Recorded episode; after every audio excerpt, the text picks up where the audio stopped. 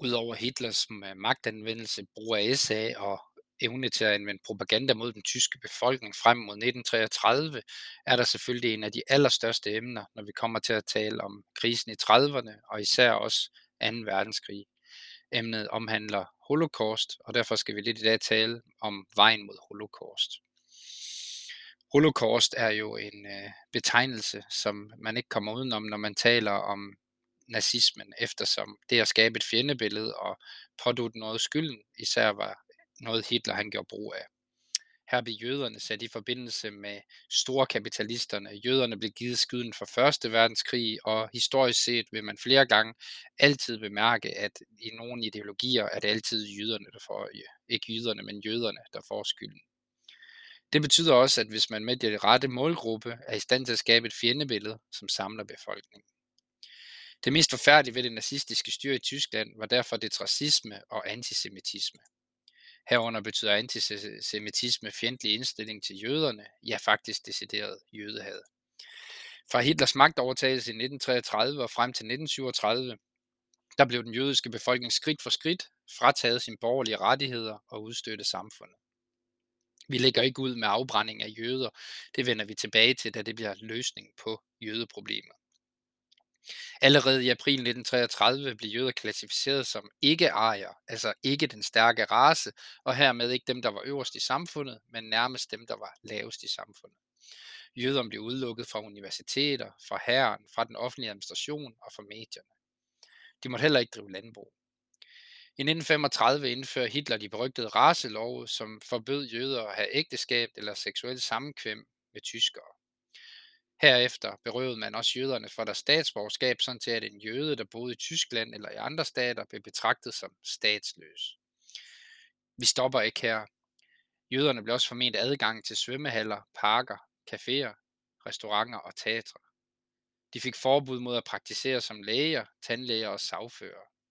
Kulminationen på det hele var i november 1938 under den såkaldte krystalnat, hvor 400 synagoger, stedet hvor jøderne gik hen for at gå til messe, de blev nedbrændt, og 7.500 jødiske forretninger blev smadret. Alt sammen takket være nazismens propaganda og organisering mod jøderne. Efter Hitlers magtovertagelse i 1933 organiserede SA en boykot af jødes ejede butikker, og hermed var de også med til at opildne befolkningen. Det knuste glas på gaderne gav navn til overgrebet Krystalnatten. Det var regeringen og partiet, der organiserede herværket, som blev gennemført af partiaktivister, altså nazister og medløbere. Som konsekvens begyndte mange jøder at emigrere væk fra Tyskland. Rent faktisk var der ikke nogen stor jødisk befolkning i Tyskland, hvilket er lidt øh, tragikomisk taget i betragtning af, at der bliver dræbt over 7 millioner jøder inden afslutningen på 2. verdenskrig. I 1933 i Tyskland boede der kun 525.000 jøder, og det lykkedes hovedparten af dem at slippe ud af landet før krigsudbruddet i 1939. Jødernes problem var ikke så meget at slippe ud af Tyskland, fordi de ønskede jo at blive jødefrit, så på den måde kan man sige, at de godt kunne komme væk. Men vanskeligheden bestod i at finde et land at flygte til. Blandt andet et land som Danmark nægtede således at betragte jøderne som politiske flygtninge. Og faktisk var 15 år siden, 16 år siden, i 2005, måtte den daværende statsminister Anders Fogh Rasmussen ud og undskylde, at de danske myndigheder havde udvist tyske jøder tilbage til Tyskland, hvor de omkom i udryddelseslejre. Hermed tilskrives Danmark også en lidt ikke så rar handling, taget i betragtning af, hvordan vi gerne vil se på os selv. Nazismens udryddelse og forfølgelse af jøderne blev omtalt som et decideret systematiseret folkemord. Jødeforfølgelserne tog en ny makaber drejning under 2. verdenskrig, og da man besatte Polen i september 1939, kom mange millioner jøder til at leve under tysk herredømme. Her tvangsflyttede man jøderne ind i overbefolkede ghettoer, hvor de fleste lå i de sydlige Polen. En sådan ghetto var en præcis afgrænset og afspærret bydel, og levevilkårene her var forfærdelige og 100.000 døde af sygdom og sult. Som vi også arbejdede med under industrialisering, så er kummerlige vilkår ofte lige med, at sygdom ofte spreder sig, hvis man ikke har adgang til gode sanitære forhold. Et yderligere skridt ud i barbariet blev taget med det tyske angreb på Sovjetunionen i 1941. Under den tyske fremrykning begyndte man simpelthen at udrydde den jødiske befolkning, hvor man kom frem. Til at starte med anvendte man det, der hed Einsatzgruppen, der rensede de besatte områder for jøder. De blev drevet sammen fra landsbyer og byer, og så blev de skudt og kastet i massegrave, som de først havde måttet grave selv. Alt i alt blev over 1,2 millioner jøder ombagt på denne vis, hvor de selv måtte grave deres massegrave og nedskudt af de her indsatsgrupper, som tog ud for at dræbe dem. Udfordringen med de her indsatsgrupper var dog, at det for mange tyske soldater var en hård opgave psykisk at skulle stå for at henrette flere millioner jøder. Nedskydning af mænd og kvinder øh, og børn i en sådan skala øh, viste sig nemlig at være dyrt og mandskabskrævende og psykologisk nedbrydende for billederne. Mange omtaler faktisk den her jødeudryddelse som et punkt for Hitler, der var udiskutabelt, indiskutabelt. Det var simpelthen der, hvor man skulle bruge flest ressourcer, og der spekuleres faktisk i, at det, at man investerede så mange ressourcer i at dræbe jøder, det både havde transportmæssige, soldatmæssige og levemæssige omkostninger, fordi man investerede så mange ressourcer i det. Ressourcer, der kunne have både været brugt på at føre 2. verdenskrig, og måske kunne have ledt til et andet resultat, eller i hvert fald et mindre dårligt resultat. Heinrich Himmler, han var leder af elitekorpset, øh, elitekorpset SS, Schutzstaffel, og han var ved at besvime, da han overværede en massakre på jøder i Sovjetunionen. Derfor undersøgte man efter mere kliniske måder at aflive folk på, og det førte til udviklingen af udryddelseslejre. På en konference nær Berlin, det der bliver kaldt Wannsee-konferencen i januar 1942, drøftede de ansvarlige tyskere for jødeproblemet og for de besatte områder i Østeuropa, hvordan man skulle gennemføre den endelige løsning. Et begreb, der på tysk bliver kaldt en løsning. Den endelige løsning på jødeproblemet. Herefter blev massemordet systematisk organiseret. Der oprettedes seks udryddelseslejre i Polen, hvor, øh, hvor alle europæiske jøder skulle transporteres fra andre koncentrationslejre. De arbejdsdygtige skulle sættes til tvangsarbejde på minimale madrationer og derigennem arbejde sig selv ihjel. Der er en tysk sætning, der hedder Vernichtung durch Arbeit. De uarbejdsdygtige skulle dræbes i gaskammerne. Udover jøder blev også romaer, altså det som vi nok på andre måder vil kalde for cigøjnere, udsat for systematisk folkemord. Og også politiske fanger, blandt andet kommunister og socialdemokrater, og andre grupper som for eksempel homoseksuelle og Jehovas vidner, endte i udryddelseslejrene. Alt i alt regner man med, at omkring 6 millioner jøder blev ofre for folkemordet. Holocaust, Holocaust-begrebet dækker over betydningen brandoffer på hebraisk. Det er et forbløffende og redselsvækkende fænomen. Holocaust er et hidtil uset eksempel på systematisk, industrialiseret masseudryddelse, og det er samtidig helt irrationelt. Det vil sige, altså, der er ikke noget formål med det. Det er ikke noget, der havde gavnet tyskernes krigsførsel. Og især midt under en totalkrig, der kræver mobilisering af alle ressourcer, gjorde tyskerne, som jeg tidligere var inde på, alt for stor anvendelse af soldater, jernbanekapacitet, byggerikapacitet og administrativ indsats for at finde jøder på græske øer og i russiske landsbyer, og for så til sidst at fragte dem til Polen til udryddelse. Så det her med at lægge alt for stor vægt på at bruge energi på at udrydde jøder, havde i hvert fald omkostninger, der kunne have været anvendt anderledes for tyskerne. Det var en helt igennem indbildt trussel, man her udryddede, som var det nazistiske Tyskland, blev fanget af sin egen absurde antisemitistiske demagogi eller demagogi. En helt kontant gevinst fik tyskerne dog ud af jødeforfølgelserne, og nu bliver det lidt makabert. De myrdede jøders ejendom i form af jord, værdipapirer, smykker, møbler og værdigenstande blev beslaglagt af den tyske besættelsesmagt over alt i Europa, og indtægterne fra dette rov gik i den tyske statskasse. Man anvendte tyskernes man anvendte jødernes hud til at lave sæbe af, man lavede lampeskærme af deres hud, og man gemte alle ting, der var mulige at omsætte til en eller anden form for produktion.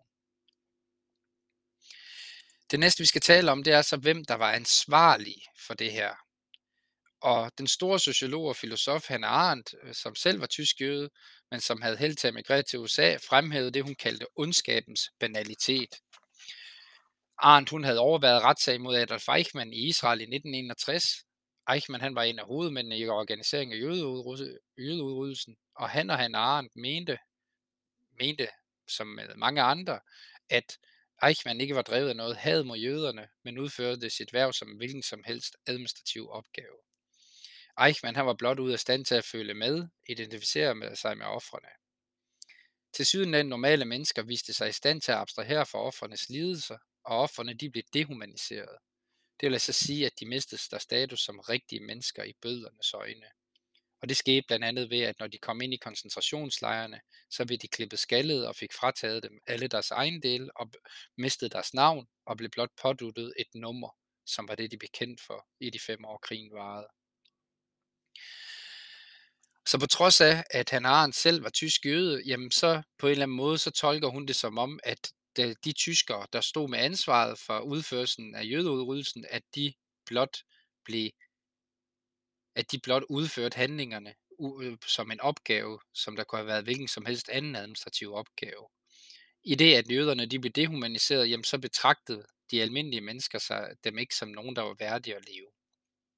Men hvem var ansvarlig? Var det den nazistiske ledelse, der udstedte ordrene, eller var det en større del af den tyske befolkning, der var medansvarlig? Efter krigen der hævdede mange tyskere, ja selv soldater, der befandt sig i nærheden af udryddelseslejrene, at de var uvidende om, hvad der foregik. Den jødiske amerikanske forsker Daniel Goldhagen udgav i 1996 en bog med titlen Hitler's Willing Executioners, Ordinary Germans and the Holocaust. Goldman han har hæftet sig ved, at øh, jødehad var almindeligt og vidt udbredt i Tyskland, og han understreger, at mange tyskere har haft berøring med den omfattende, omfattende udryddelsesproces og har haft mulighed for at vide, hvad der foregik. Især hvis de ønskede at vide det og ikke fortrænge det. Efter hans opfattelse accepterede hovedparten af den tyske befolkning stiltigende folkemordet. Dette det kan vi også lede tilbage til ansvaret og fortolkningen af nazismen, hvor at der jo bliver nævnt af A.J.P. Taylor, at størstedelen af den tyske befolkning var indstillet på og ønsket at få et nazistisk herredømme. Her er et citat fra den, den jødiske amerikanske historiker Goldhagen fra 96. At forsøge på at forklare tyskernes handlinger ved at stole på deres selvretfærdiggørende vidneudsagn vil være det samme som at skrive, at kriminalitetens historie i USA ved at bygge på de udsagn, som de kriminelle har fremsat over for politi, anklager og domstole. Her hæfter Goldhagen sig blandt andet ved, at hvis man skulle basere sin forståelse af, hvordan tyskerne behandlede jøderne, jamen så ville det svare til, at man øh, kiggede på amerikansk kriminalitetshistorie ved kun at kigge på, hvad de kriminelle de brugte undskyldninger over for politiet. De fleste kriminelle hævder, at de er blevet fejlagtigt anklaget. De undlader helt sikkert frivilligt at fremkomme med oplysninger om, at de kriminelle, andre kriminelle forhold, som de måtte være indblandet i, og som myndighederne ikke kender til. Hvis de ikke kan benægte deres faktiske skyld, så søger de efter enhver mulighed for at skubbe ansvaret for forbrydelsen over på andre. Lad os lige prøve at tage den sætning her, og så erstatte det med den almene tysker. Nu erstatter jeg ordet kriminelle med tyskere. De fleste tyskere hævder, at de er blevet fejlagtigt anklaget. De undlader helt sikkert frivilligt at fremkomme med oplysninger om andre kriminelle forhold, som de måtte være indblandet i, og som myndighederne ikke kender til. Hvis de ikke kan benægte deres faktiske skyld, så søger de efter enhver mulighed for at skubbe ansvaret for forbrydelserne over for andre. Og som Goldhagen han fortsætter. Hvorfor skulle vi tro, at de, der er medskyldige i en af de største forbrydelser i menneskehedens historie, skulle være mere ærlige og belaste sig selv mere? Hvis man tager et blik på den tyske opfattelse af Goldhagens bog, jamen så bliver den i 1996 voldsomt angrebet i Tyskland, hvor mange mente, at Goldhagen han tillagde det tyske folk en kollektiv skyld, og hvor historikere rettede en skarp faglig kritik imod den. Men den gav i hvert fald anledning til en fornyet diskussion om, hvor stor en andel af den tyske befolkning, der medvirkede i holocaust, og hvad den almindelige befolkning vidste. Samme år udkommer den tyske professor Ulrich Herbert med en bog, der hedder Det rigtige spørgsmål. Jeg citerer. Man skal ikke narre sig selv. Folkemordet på jøderne blev bestemt ikke begået af tyskerne, og var ikke et resultat af en, af en øh, udryddelse af jøder med over 100 lange rødder i tysk kultur. Men en betydelig del af den tyske befolkning var i forskellig grad fjendtligt indstillet over for jøderne, og denne holdning har uden tvivl været af betydning for iværksættelsen og gennemførelsen af folkemordet. Antallet af tyskere, der deltog i begivenhederne, løber måske ikke op i millioner, men man må dog gå ud fra, at der var mange gange 10.000. Og mændene i Rigssikkerhedsretsforvaltningens ledelsesgruppe, i SS og i indsatsgrupperne, ja, de må nærmest anses for kernegruppen i gennemførelsen af folkemordet. De var ikke outsider eller marginalgrupper, men fra de midterste og ledende lag i samfundet. Ud fra Ulrich Herberts øh, tanke lægger han altså vægt på, at man ikke kan tilskrive den almene tysker skylden for jødeudryddelsen, men at man i hvert fald i de administrationsgrupper, der havde berøring med jødeudryddelsen, kan give dem skylden. Professor Peter Longerich afviser også Goldhagens påstand om, at jødehad i Tyskland før krigen var specielt yderligt gående. Men han fremhæver, at den tyske befolkning mod krigens slutning i al almindelighed vidste, eller i hvert fald kunne vide, at der var en udryddelse af jøder i gang. Det skinnede tydeligt igennem i den nazistiske krigspropaganda. Lige meget hvad man talte om i Tyskland omkring propagandaen, jamen så var jøderne på en eller anden måde involveret i at skabe fjendebilledet. Ifølge Longerich valgte hovedparten af den tyske befolkning at ignorere den viden og flygte ind i en påtaget uvidenhed, så man kunne påstå, at det vidste vi intet om, hvilket er titlen på Longerich hovedværk. Men kan man så lægge historien bag ved sig? Goldhagen mener at kunne påvise, at de særlige egensatskommandoer, der udryddede jøder i Sovjetunionen, var almindelige gennemsnitstyskere. Det er svært at lægge historien bag ved sig.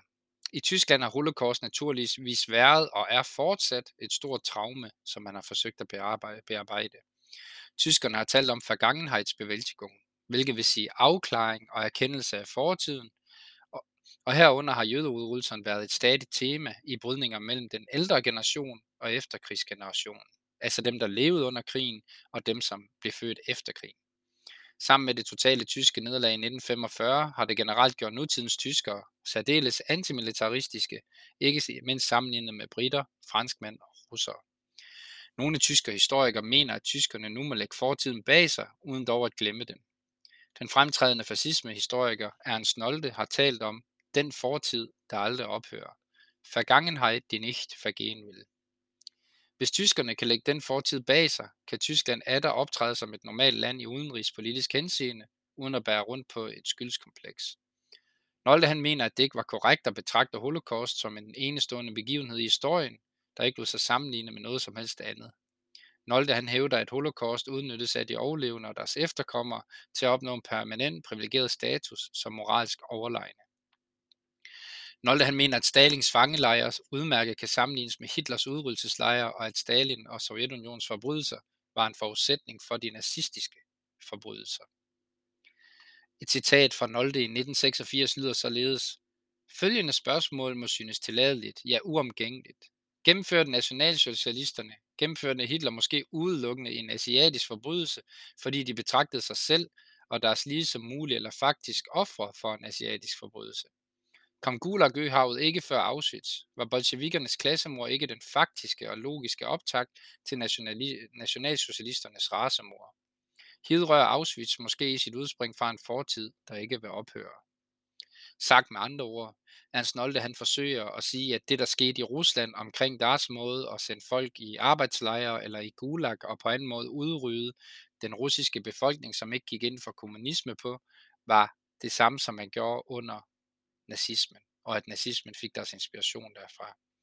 Noldes synspunkt udløste i midten af 1980'erne en voldsom offentlig strid mellem tyske historikere og kulturpersonligheder, en diskussion, der førtes i Tysklands ledende aviser. Blandt faghistorikere er der almindelig enighed om, at det var en debat, som Nolde og hans støtter tabte. Så på den måde kan man sige, at Ernst Noldes holdning altså ikke er den, der bliver betragtet som værende acceptabel.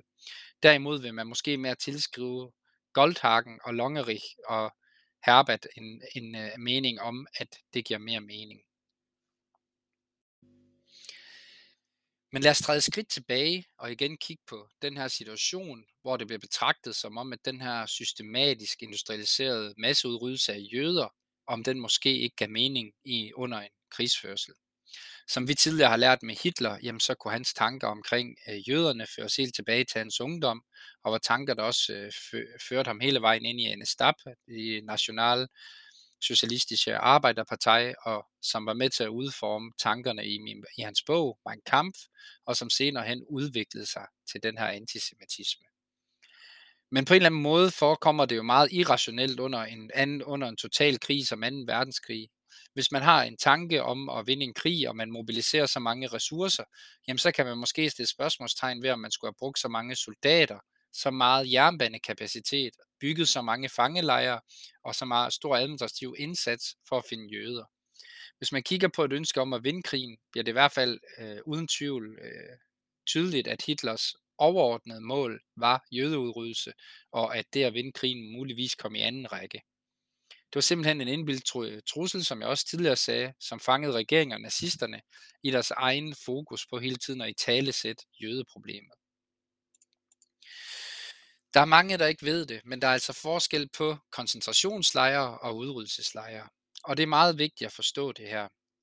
Koncentrationslejren det var en væsentlig del af det nazistiske, nazistiske regimes systematiske undertrykkelse af jøder, cigøjner, politiske afviger, homoseksuelle og andre, der sås som socialt og racemæssigt uønsket i det nazistiske samfund. Koncentrationslejrene blev etableret med forskellige formål. Der var almindelige koncentrationslejre, og der var tvangsarbejdslejre.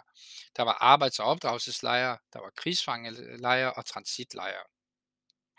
Forskellen på de her mange typer af lejre er, at der ikke var nogen af dem, der var det endelige punkt, hvor man blev.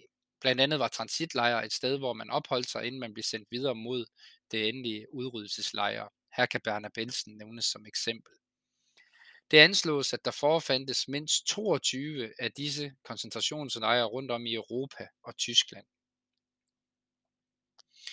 Udryddelseslejre til forskel fra koncentrationslejrenes formål etableres der mellem 1941 og 1943 seks udryddelseslejre, og de havde kun ét formål, og det var at udrydde jøderne.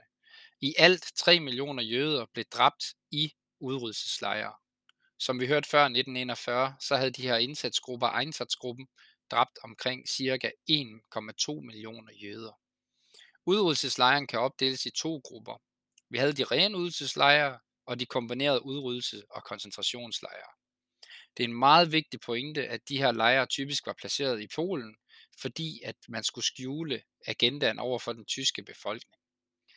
Den her pointe står i meget skarp kontrast til de historikere, der har arbejdet med det her, hvor nogle af dem mener, at tyskerne har været velvidende om, hvad der sker.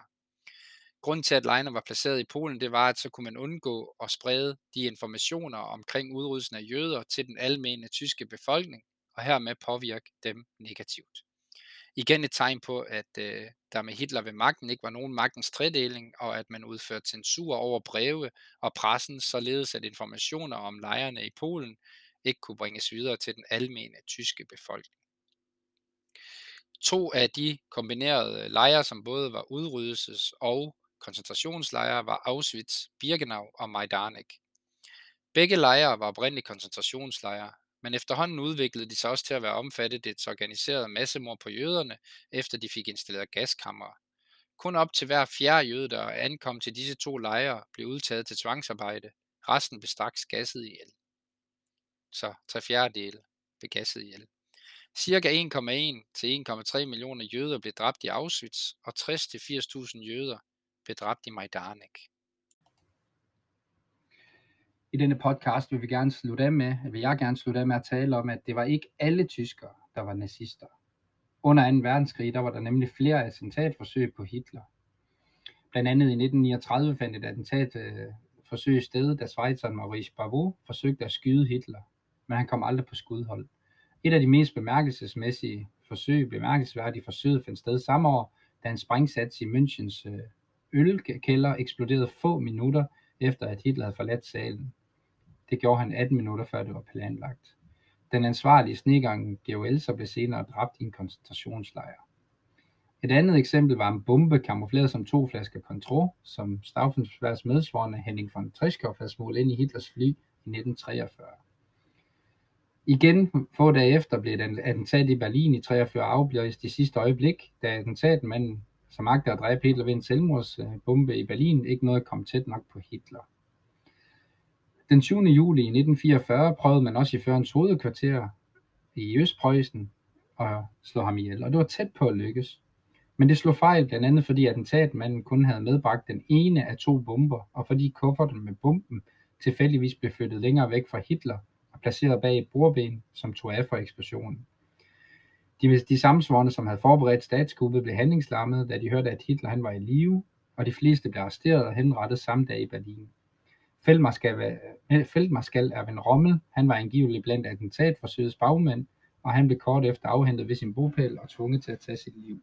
Erwin Rommel var en af de største generaler for Hitler under 2. verdenskrig. Så et andet eksempel på, at ikke alle tyskere var nazister, så vi jo også under valgene fra 1930 til 1932, hvor at op mod to tredjedel af den tyske befolkning ikke stemte på Hitler til præsidentvalget. Så vi, det bliver sværere og sværere at have en forståelse for, hvem der egentlig støttede Hitler, men vi kan i hvert fald være overbevist om, at nazismens fremgang, deres jødeudryddelse, deres spor af propaganda osv., var ting, der alt i alt ledte til den måde, den tyske befolkning blev overvist på, om at de skulle støtte nazismen, om de ville det eller ej.